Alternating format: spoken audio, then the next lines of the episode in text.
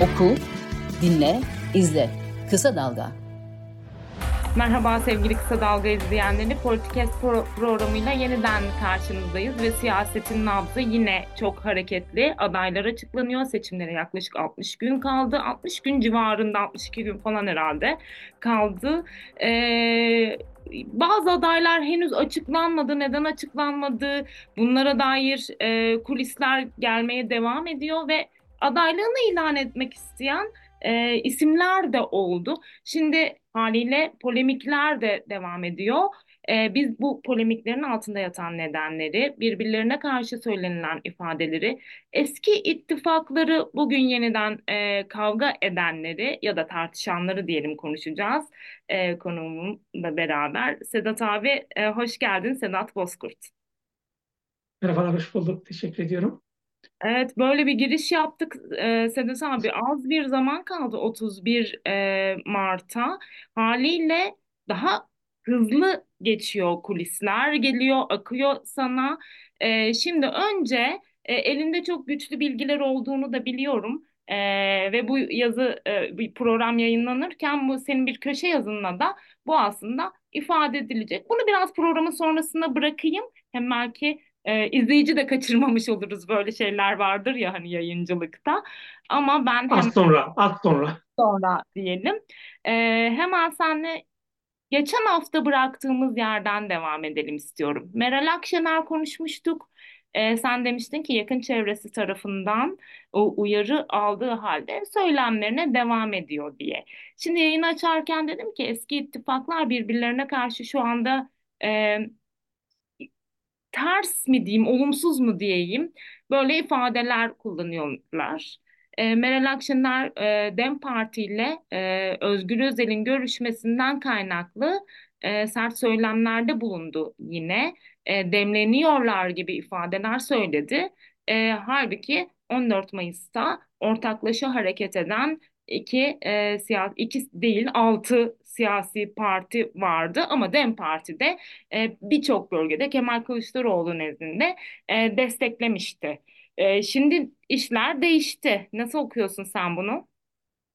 Ya tabii okumanın ötesinde ben bunları yazdım da. Yani ben bir yıldır bir e, İyi Parti eleştirisi hatta bir yıldan daha fazla Aralık ya da Kasım ayında başlamıştım.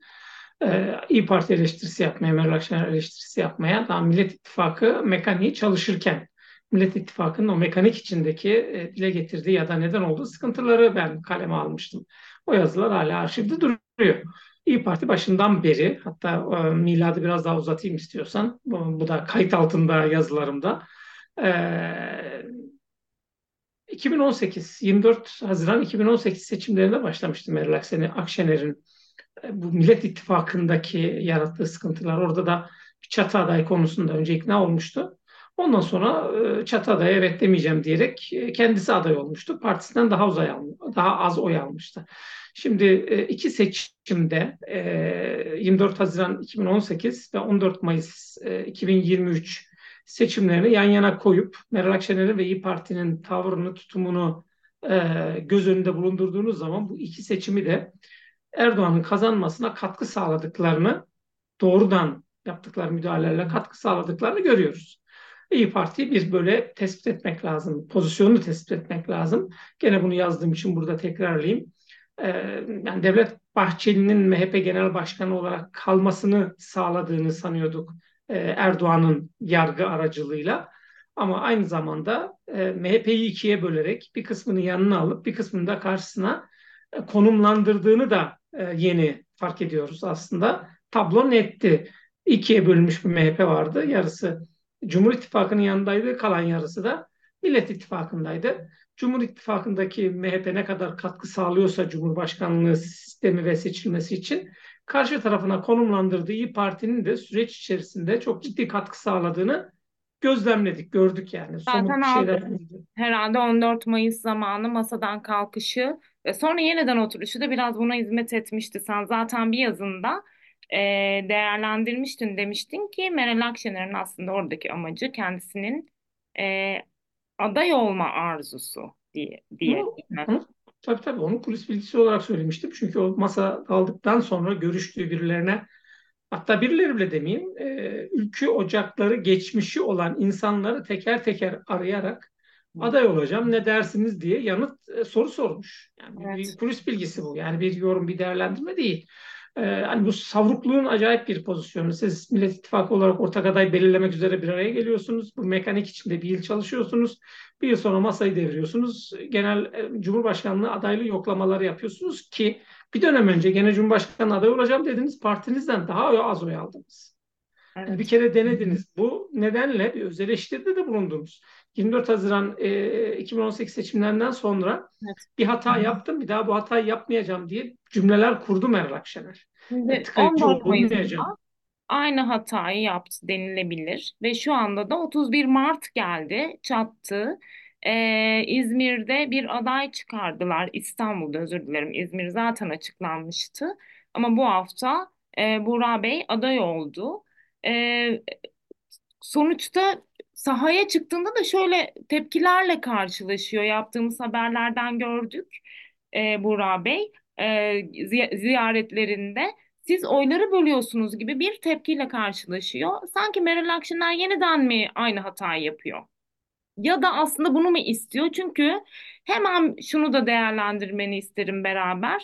E, bir iddia ortaya çıkmıştı. Yine İyi Partili bir isim e, İstanbul Büyükşehir Belediyesi'nden istifa eden isim e, dile getirmişti. Aslında Meral Akşener'in Togo Kulelerinde eski AKP'li isimlerle buluştuğunu söylemişti. Bu buluşmanın ayrıntıları, detayları, yalanlanmaması gibi bir durum söz konusu. Ama sanki böyle bir artık Hani bir e, daha önceki senin tespitlerin de vardı iktidarla anlaşma yolunda diye. Ama İstanbul özelinde ne olacak? Bu buluşma ne anlama geliyor? Ya bu buluşma hani Cemil Çiçek, Abdülkadir Aksu, e, bir de eski Ankara Ticaret Odası Başkanı CHP Milletvekili e, Sinan e, Aygün. Aygün. Onlarla bir buluşma yapmışlardı yaptıklarını söylediler. Yalanlanmayan toplantı bu. Hani burada bir geleceğe dönük politik bir e, pozisyon alma toplantısı mıdır? Bu isimlerle mümkün değil. E, çok dolaylı isimler olur bunlar. E, hani şu anda bile partide çok etkin olan isimler değil. AK Parti için söylüyorum Cemil Çek ve Abdülkadir Aksu'yu kastederek. Ama Meral Akşener'in hani siyaseten ne yapmak istediğini anlamak çok mümkün değil gerçekten mümkün değil. Çünkü e, daha 8 ay önce bir seçim yapıldı ve seçimde İyi Parti'nin hangi ilden, hangi ilçeden ne kadar oy aldığı köylere kadar sandıklar üzerinden belli. Ve bu oyları yan yana getirdiğiniz zaman herhangi bir belediye başkanlığını kazanma ihtimali olmadığını görüyorsunuz. Ee, ve üstüne koyacak siyaseten de bir şeyiniz yok. Hani hmm, bir seçimden çıkarsınız ama arkanıza çok sıkı bir rüzgar alırsınız, güçlü bir rüzgar alırsınız o rüzgar sizi seçimlerde, yerel seçimlerde dahil olmak üzere söylüyorum, başarıya götürür. Öyle bir şey de hissedilmiyor. Tam tersi anketlerde e, seçimlerde aldığı oyun e, yüzde 9.75 işte 10 diyelim biz ona. 10'luk oyun yüzde 5'lere yüzde 6'lara kadar düştüğüne ilişkin veriler var. Hani anketleri sağlıklı bulmayabilirsiniz ama hepsinde bu tablo ortaya çıkıyorsa e, düşünürsünüz, dikkate alırsınız. Yani mutlak doğru olarak kabul etmek zorunda değilsiniz. E şimdi bu koşullar altında siz bir dönem önce katkı, katkı yaparak kazanmasını sağladığınız ve 14 Mayıs seçimlerine kadar da sürekli olarak yanınızda miting miting dolaştırdığınız Ekrem İmamoğlu'nun ve Mansur Yavaş'ın karşısına İyi Parti olarak aday çıkarıyorsunuz. Ya bunlar 14 Mayıs'ta sizin mitinglerinize katılmadı mı? Sizin propaganda e, yönteminizin bir parçası olmadılar mı? Oldular. Yani o zaman İmamoğlu'nun e, siyasi yasaklı ilan edileceği gün e, İstanbul'da yapılan o büyük e, kalabalık toplantısında biliyorsunuz Meral Akşener'le çok samimi fotoğrafları vardı. Sarılmışlardı birbirlerine. Orada Burak Bey de vardı. E, böyle bir e, tablo, böyle bir fotoğraf e, koymuşlardı. Ama daha sonra karşılaşılan şey aslında... Ya işte bu, bu politik olarak anlamlandırabilecek, bizim de burada anlatabileceğimiz bir şey değil. Gerçekten bir şey. Kendileri de anlatamıyorlar zaten. Anlatsaydılar burada bunu konuşuyor olmazdık. Hani şöyle bir tablo olabilir. CHP ile bir ittifakınız vardır. Millet İttifakı'yla bir orada bir dahliniz vardır ve o, orada yer alıyorsunuzdur ama bir olay yaşanır. Somut bir olay yaşanır. Politik olarak sizin kabul etmeniz mümkün olmaz. Ya işte İstanbul'da diyebilir ki CHP biz Başak Demirtaş'ı aday yapacağız. Bu, bu, bu sizin için bir ayrılma nedeni olabilir. Ayrılmanızı e, anlatabileceğiniz somut bir gelişmedir, karardır, bir olaydır. Ama bunların hiçbiri yok. Yani 14 Mayıs'ta 28 Mayıs'ta işleyen bir sistematik var. Hani sizin 3 Mart'ta bir e, Cumhurbaşkanı adayına itirazınız var. Masayı deviriyorsunuz, 3 gün sonra geliyorsunuz ama. Yani oradan gidip bir daha gelmeseydiniz bugün yaptığınız her şeyin arkasında durabilirdiniz. Bunu anlatabilirdiniz. Bakın ben 3 Mart'ta bu ittifakla arama mesafe koydum, oradan ayrıldım diyebilirsiniz. Bunların hiçbiri yok. Sadece ben aday çıkaracağım. İşte Balıkesir'den aday çıkarma, işte İstanbul'dan aday çıkarma, Ankara'dan e, Cengiz Topel'i aday gösteriyorlar. Yani e, hani bir dönem önce e, Ankara Büyükşehir Belediyesi'ne CHP'den olmaya kalkışmış. Daha sonra CHP'den başka yerlerden olmaya çalışmış. Olamayınca Mansur Yavaş muhalefeti nedeniyle siz getiriyorsunuz ona aday yapıyorsunuz. Turan Çömez'i Balıkesir'den aday yapıyorsunuz. Ayrıca da e, yani Burak...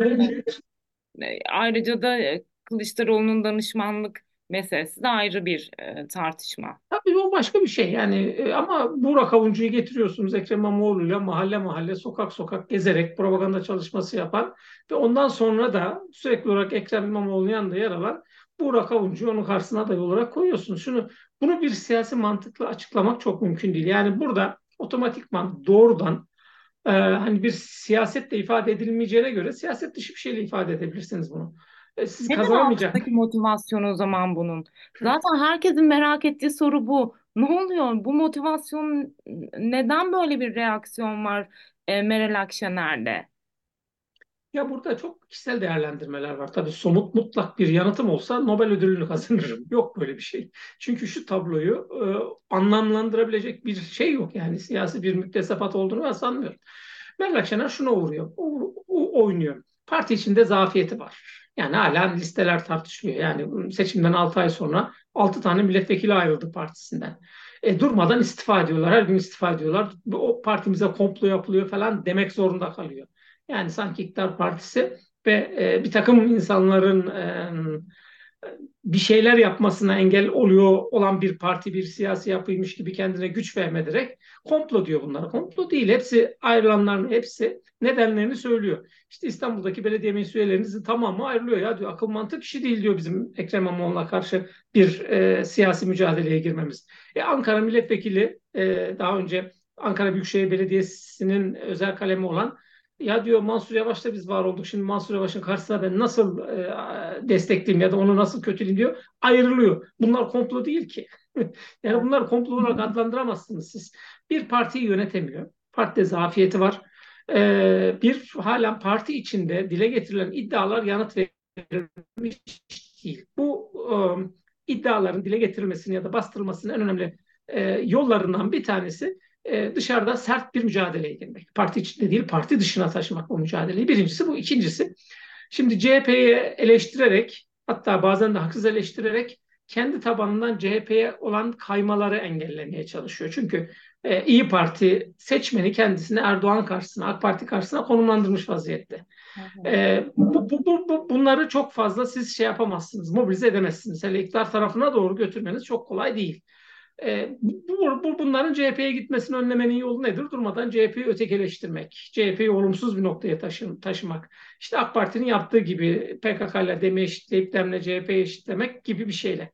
İkincisi bu. Üçüncüsü e, MHP ve AK Parti'ye hiç yüklenmiyor. Buradaki niyeti de şu, AK Parti'den e, kopmalar var. İşte en son seçimde aldığı o %35, %36, 49 buçuklardan buraya gelmiş vaziyette. Ve bu düşüş devam edecek. E, oradan gelen... E, Sedat abi, şimdi e, işbirliği teklifini reddettiği için CHP'nin sanki böyle e, bu reddetmelere karşı cevap veriyormuş gibi duruyor Meral Akşener CHP'yi eleştirirken. Ama mesela bu söylediğim burada... dönüp baktığımızda elbette vardır. Hani o yüzden normalleştiriyoruz belki CHP'yi eleştirmesinde. Fakat dönüp baktığında aslında bir tarafta da iktidar var. Yani iktidarla bir muhalefete girmiyor bir süredir. Söylemlerinde yok. yok. Tam, tam onu tam onu söylüyordum işte. AK Parti'den kopan AK Parti'den kopan seçmenin de kendisine gelmesini e, kolaylaştırmak istiyor. Yani AK Parti'yi eleştirmeye başlarsa kutuplaştır. Yani AK Parti ile ya MHP ile oraları eleştirirse oranın seçmeniyle kendi partisinin arasında bir set oluşturur O nedenle orayı e, eleştirmiyor. Oradan gelişler kolay olsun ama siyaset böyle kurulmuyor. Yani AK Parti'ye oy veren, MHP'ye oy veren seçmen kolay kolay İyi Parti'ye oy vermiyor. Nitekim son seçimde gördük. İyi Parti'nin oyu aynı yerde durdu. MHP de kendi oyunu konsolide etti anketlere rağmen. Demek ki MHP'nin bir sadık oy seçmeni var. AK Parti'den kopan seçmen de yeniden refaha gidiyor. Büyük Birlik Partisi'ne gidiyor ama İyi Parti'ye gelmiyor. Yani evet. CHP'ye gelme ihtimali zaten yok. Şimdi tablo bu. Buradayken siz bunun üzerinden bir siyaset kurarsanız başarılı olamazsınız. CHP'yi eleştirme meselesi. Bak kongre e, kurultay bittikten sonra CHP kurultay bittikten sonra Meral Akşener görüştüğü herkese şu cümleyi kurdu. CHP'de yeni bir genel başkan var. Yeni bir tablo ortaya çıktı. Ankara, İstanbul başta olmak üzere pek çok yeri konuşabiliriz. Zaten e, Özgür Özel de abla metaforu üzerinden bir e, ilişki kotarılacağını, işbirliği kotarılacağını ilan etmişti. Nitekim bu nedenle bir de gitti yanına. E, bunları söyledikten sonra Meral Akşener buna ilişkin açık toplantılarda da konuşmalar yapmıştı. Olumlu e, yani CHP ile bir iş işbirliği ittifak olma ihtimali en azından görüşülebilme ihtimaline ilişkin bir şeyler de yapılmıştı. Siz daha hiç görüşmeden yani CHP ile oturursunuz, konuşursunuz pazarlık mı yapacaksınız? Siyaset, bu kazanım elde etmek istersiniz tabii ki. Anlaşamazsınız. Bu anlaşılabilir bir şey.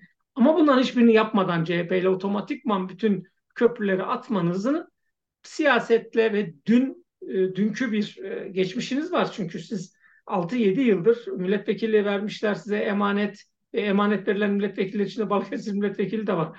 E, böyle bir hukuk da geliştirmişsiniz her şeyin ötesinde 5-6 yıl boyunca bir arada olmuşsunuz, milletvekilleriniz gitmiş gelmiş birlikte siyaset bel siyaset belirlemişsiniz. 14-15 e, ay boyunca altılı masada sürekli bir araya gelmişsiniz. Geçmişe ilişkin ya da e, bu hukukunuz nedeniyle en azından 2-3 görüşme yapmanız gerekirdi. Buna bile tanıklık yapmadık. Bu nedenle söylüyorum zaten siyaseten ya da politik olarak bugün Meral Akşener'in ya da İyi Parti'nin pozisyonunu çözmek, anlamak, anlatmak çok mümkün değil. Oku, dinle, izle. Kısa Dalga. Evet Sedat abi biz e, Meral Akşener e, ve İyi Parti meselesini bir sonraki programa yeniden bırakalım artık. E, çok konuştuk bu meseleyi. Ben hemen HDP, DEM Parti e, tartışmasına gelmek istiyorum.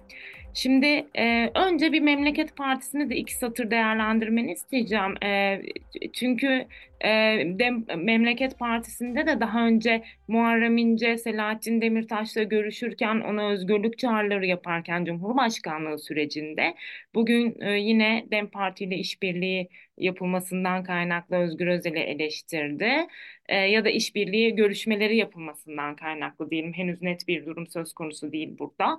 E, ya da işte mesela Dersim söylemini Türkiye'de böyle bir yer yok diyerek eleştirdi Özgür Özel'i. Ne diyeceksin? Ya e, bu, bu siyaseti Türkiye'de çok iyi yapan bir siyasetçi var. Adı Recep Tayyip Erdoğan.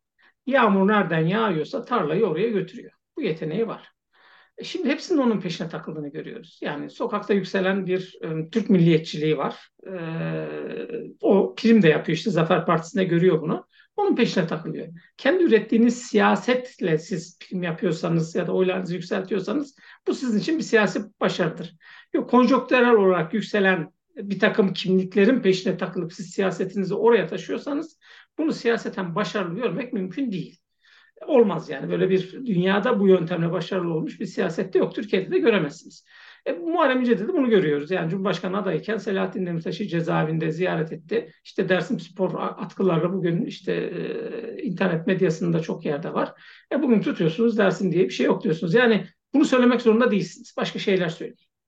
Yani çünkü Özgür Özel'le de birazcık zorladı bir ittifak yapmayı. Yani Muharrem İnce siyaseti aslında en, en az Meral Akşener siyaseti kadar üstünde biraz uzun konuşmayı gerektiriyor. Ee, hani onun da önüne ne hedef koyduğunu çok çözemiyoruz. O %30 oy aldığı zaman kendi oyu zannetti. Yani Türkiye'de şöyle bir seçmen kitlesi yok. HDP için de bunu söylüyorum ben. Konteynerlara ya da kamyonlara doldurup parti parti dolaştıracağınız, aday aday dolaştıracağınız bir seçmen kitlesi yok. Bu seçmene haksızlıktı. Nitekim CHP'den ayrıldığınız zaman oysaki CHP'de mücadele edebilirdiniz. Çünkü önemli bir oy almıştınız siz kurultayda. Bunun yerine CHP muhalefeti CHP'nin dışına taşıdınız. İçeride kalsaydınız bugün CHP Genel Merkezi Genel Başkanı koltuğunda Muharrem İnce vardı. Yani ard arda yapılan siyasi hatalar e, ve bugün geldiği nokta o savrulmanın sonucu. O savrulmanın halen devam ettiğini düşünüyoruz. Yani bir araba gibi düşünün. Yani yolda yağ var. Bir kaptırdığınız zaman direksiyonu kontrolden çıktığı zaman onu bir daha derleyip toparlayamıyorsunuz. Muharremce siyasette tam budur. Meral Akşener siyasette tam budur. Yani şu anda yağlı bir asfaltta kontrolünü kaybetmiş bir tanesi kamyon, bir tanesi otomobil e, gidiyorlar. Evet. Zaten e, bu hani ilkeli gibi duran duruş için e, CHP'den bir açıklama geldi. İzleyicilerimize onu da hatırlatalım ve bu konuyu da geçeceğim sonra. Dediler ki biz görüşmelerimizde hiç böyle ilkelerden bahsedilmedi. Daha çok e, meclis üyeliği taleplerinde falan bulundular demişti. Bugün e, Memleket Partisi'nin açıklamalarının ardından e, CHP sözcüsünün açıklaması da bu yöndeydi. Şimdi Dem Parti'ye gelelim. Hemen kulisinde başlayalım mı? Elinde bilgiler var. Ee, izleyenlerimiz de belki bu vakte kadar ne konuşacaklar diye de beklemiş olabilirler. Gerçi çok kıymetli değerlendirmeler yaptın bize. Ee, ne oldu? Nedir elindeki bilgiler? Sanıyorum bir görüşme gerçekleşti. Tabii tabii yani Başak Demirtaş, e, Selahattin Demirtaş normal olarak tabii ki e, haftalık olan görüşmelerini yapıyor. Haftalık yapamıyor galiba çünkü Diyarbakır'dan Edirne'ye gidip gelmek bayağı bir külfetli iş. E, fiziki olarak da ekonomik olarak da külfetli iş. Ondan bir iki hafta önce bir HDP e, DEM Partisi heyetiyle Selahattin Demirtaş bir görüşmüş. Bugün e, de bir görüşme yapmaları bekleniyordu. Şu anda hmm, sonucunu alamadım. Görüştüler mi? Görüştülerse ne oldular? Becerebilirsem içinden bir şeyler almayı tabii pazar günü kısa dalga okuyucuları okurlar onu yazımda yazmayı düşünüyorum. Çünkü bir Kürt siyasetinin cephesine, Kürt siyasi cephesine yazmak lazım. E, durmadan bir takım e, tartışmalar ve bir takım siyasi figürler üzerinden tartışmalar yaşanıyor. Leyla Azan'a çıkıyor bir açıklama yapıyor. Onun üzerinden toplam bir Kürt siyaseti tartışması başlıyor.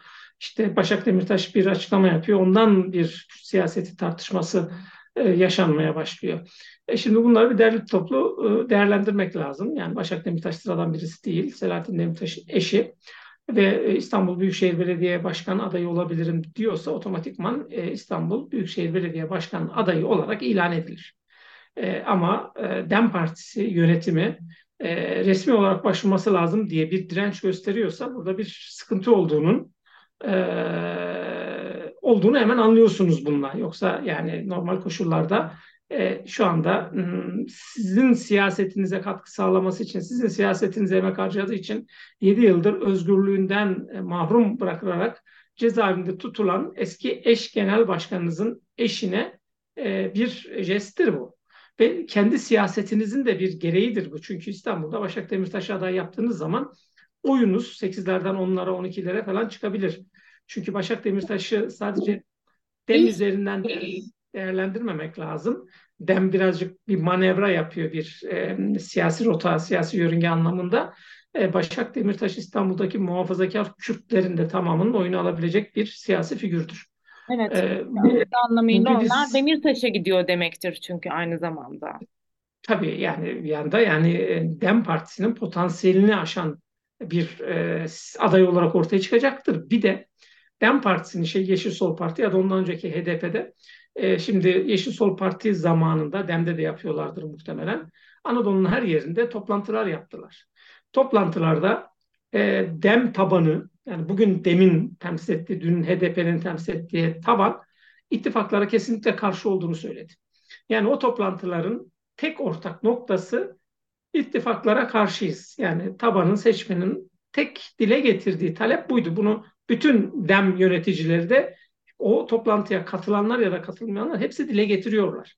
Şimdi Selahattin Demirtaş da bunu gördüğü için bir ittifak yapılma ihtimalinin önünü kesiyor. Yani bir taraftan DEM Partisi'nin CHP'de teması devam ediyor ama sonuçta tabanı seçmeninde böyle bir talebi var. Selahattin Demirtaş da cezaevinden böyle bir hamle yapıyor. Bir Başak Demirtaş'ı aday göstererek.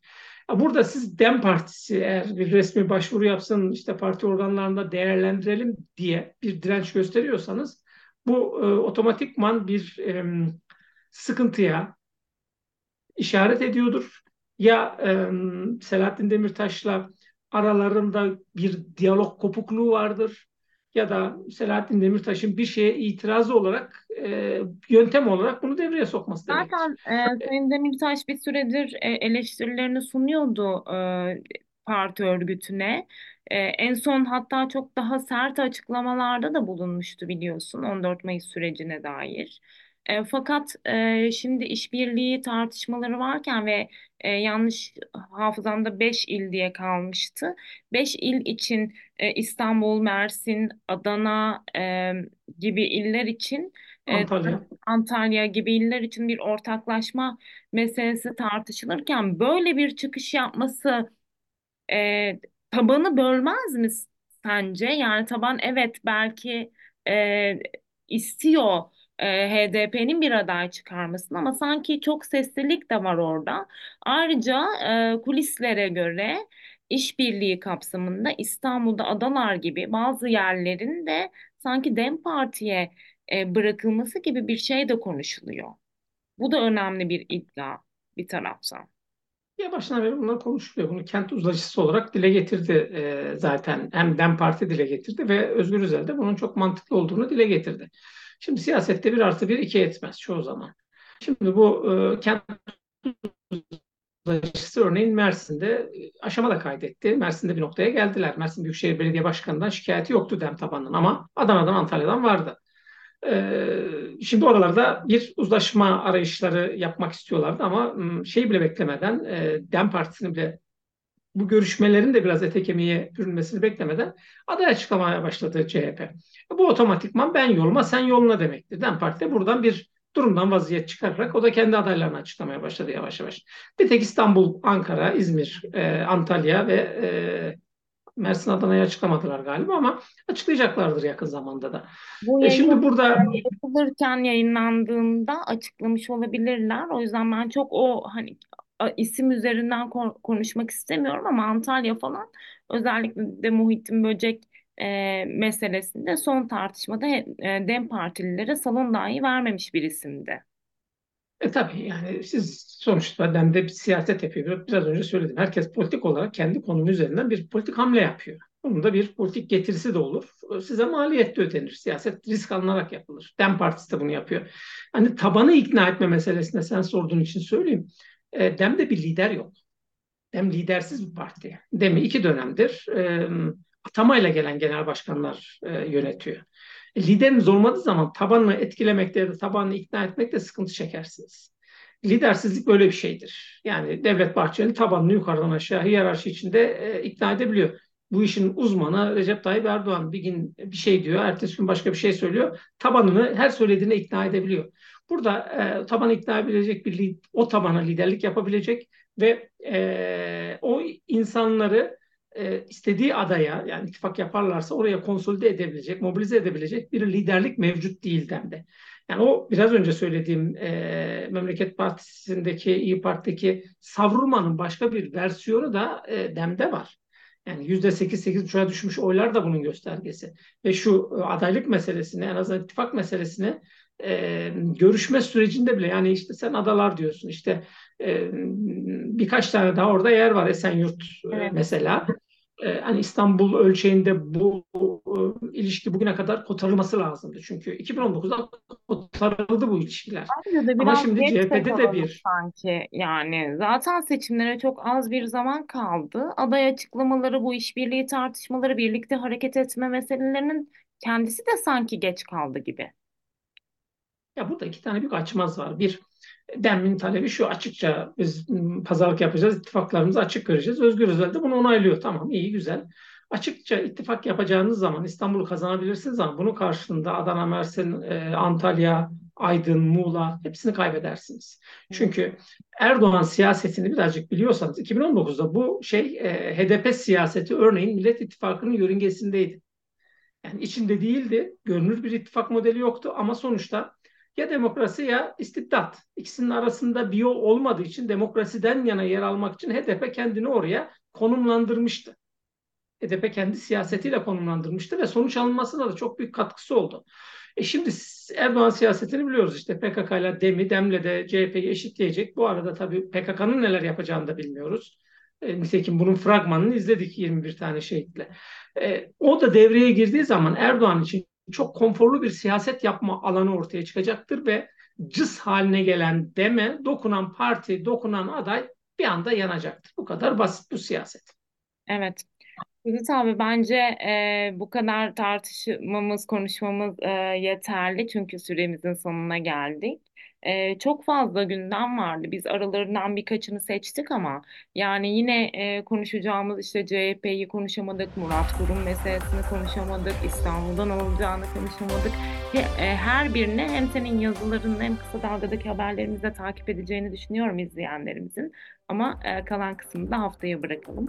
Çok teşekkür ederim değerlendirmelerin için. Ne demek? Görüşmek üzere haftaya. Görüşürüz. Sevgili izleyenler, Politikes'ten bugünlük bu kadar da haftaya yeniden karşınızda olacağız. Hoşçakalın.